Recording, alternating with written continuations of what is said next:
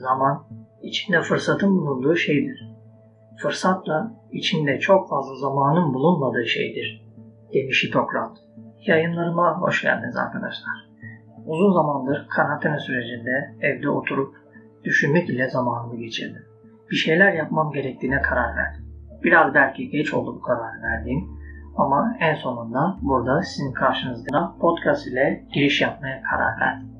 Bunda da ilk konum sizler için önemli olan, daha doğrusu hepimiz için önemli olan zaman yönetimi olacak. Zaman yönetimi insan var olduğu günden bugüne varlığını zihinlerde korudu. İsmi başka bir şeydi. Fakat hiç günümüzdeki kadar detaylandırılmamıştı. Yaşam yönetimi, kariyer planlama, hedef planlama ve benzeri gibi kavramlar hayatımıza girdikçe zamanı olan bakış açımız da değişti. Zaman yönetiminin önemini daha çok anlamaya başladık. Eğer hayatımızda değişiklik yapacaksak bunu yapmak için zaman ayırmak zorundayız. Gününüzden belli bir süreyi ayırmanız gerekiyor. Hayatınıza farklı bir şeyler eklemek için. Bu değişiklikler konusunda ciddiysek kendimizi zamanı netleştirmeye uğraşırken bulacağız. Öyleyse zamanı nasıl netleştirebiliriz? Öncelikle zamanın önemini anlamak gerekiyor. Zaman ne kadar önemliydi? Bunun bir fiyatı var mıydı? Bakarsanız vakit nakittir atasözüne göre bakıldığında zaman parayla eşitmiş gibi duruyor aslında. Normalde öyle değil. Zaman göreceli bir kavramdır. Herkese göre değiştiği gibi bir yere ve bir duruma göre de değişebilir. Zaman biriktirilmez. Ancak tasarruf edilebilir bir kavramdır. Zamanın önemi konusunda araştırma yaparken karşılaştığım birçok şey oldu.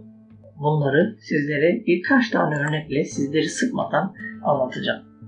Bir yılın değerini final sınavını geçememiş bir öğrenciye sor. Bir haftanın değerini haftalık bir gazetenin editörüne sor. Bir dakikanın değerini treni, otobüsü ya da uçağı kaçıran birine sor. İşte zaman hayatımızda bu kadar önemli ve bu kadar etkili. İnternette arattığınızda hayatları bir saniye içerisinde kurtulan insanların görüntülerine ulaşabilirsiniz. Bir saniye, bakın bir dakika, bir saat, bir gün değil. Sadece bir saniye. Bir saniye bile bu kadar değerliyken zamanın fiyatı olabilir mi sorusu aslında düşünmek gerekiyor.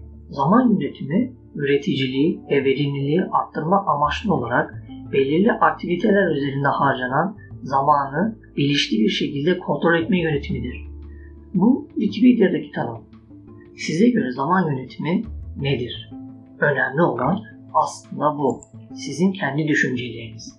Şimdiye kadar hayatımın sadece bir saatini kaybettim ve onu asla geri alamayacağım diye düşündünüz mü? Lütfen bunu kendinize bir söyleyin. Ne yaptığınızda hayatınızdan geri almak istediğiniz şeyler olur. Bunu mutlaka yapın. Muhtemelen birçok kez yapmışsınızdır. Günlük çalışma hayatınızda hesapsız zaman kaybı yaşarız.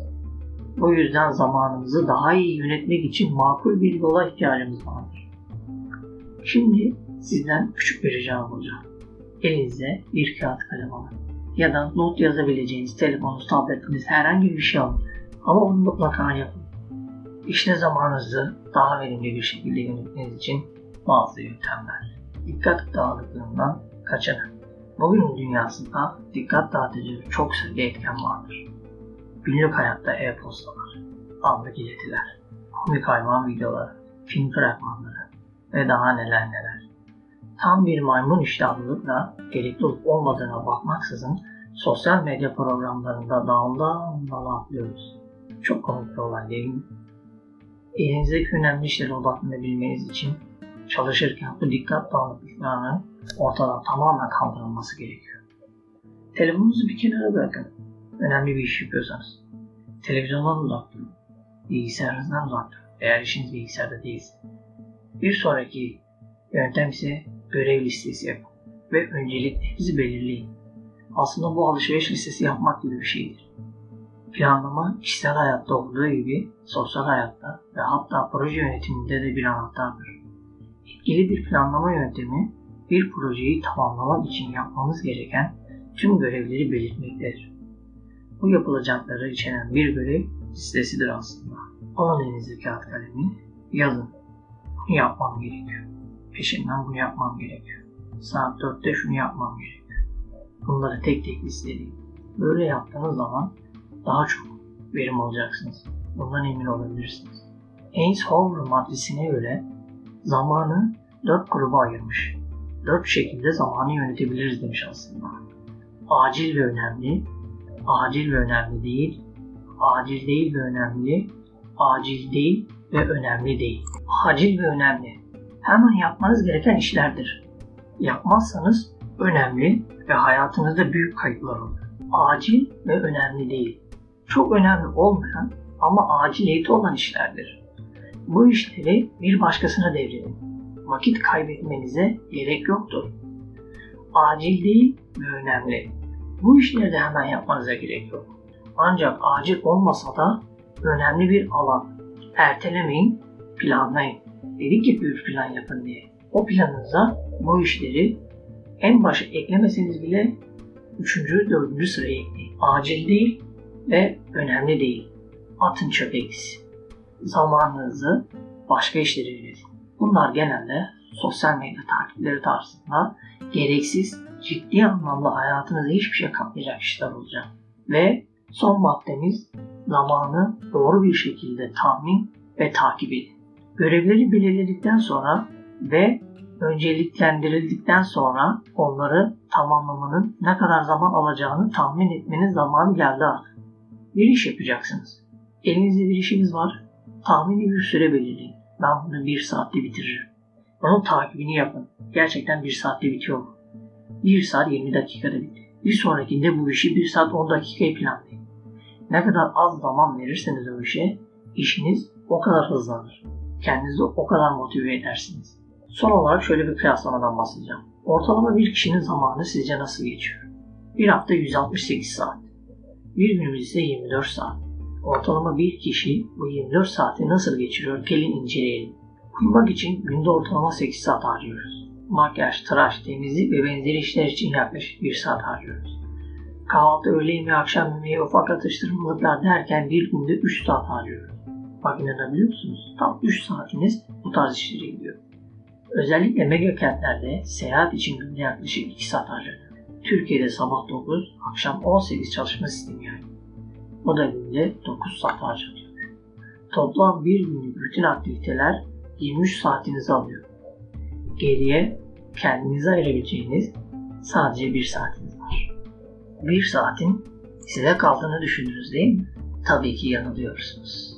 Çünkü fatura ödemeleri, banka kuyrukları, hastane, hava şartları, kaçırılan ulaşım araçları, zamansız çıkan telefon görüşmeleri ve benzeri gibi birçok şeyde o bir saatiniz gidiyor.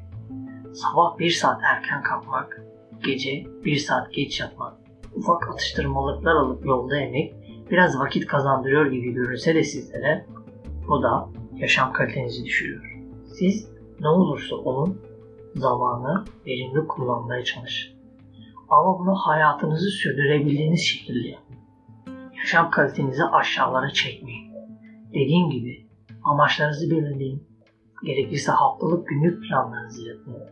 Önceliklerinizi belirleyin ve zamanınızı kendiniz tasarlayın. Zaman vampirleri dediğim bir sistem var bende. Dikkat edilmesi gereken en önemli noktalardan biri bu aslında. Zira hem motivasyonu etkiler hem de avuçta kalan sınırlı vakti adeta bir vampir gibi sömürmeye başlar. Bu konuyu gerçekten dikkatli her ne kadar bir programa bağlı kalıyorsanız da sürekli bir engelleyen bir şey olur sizi.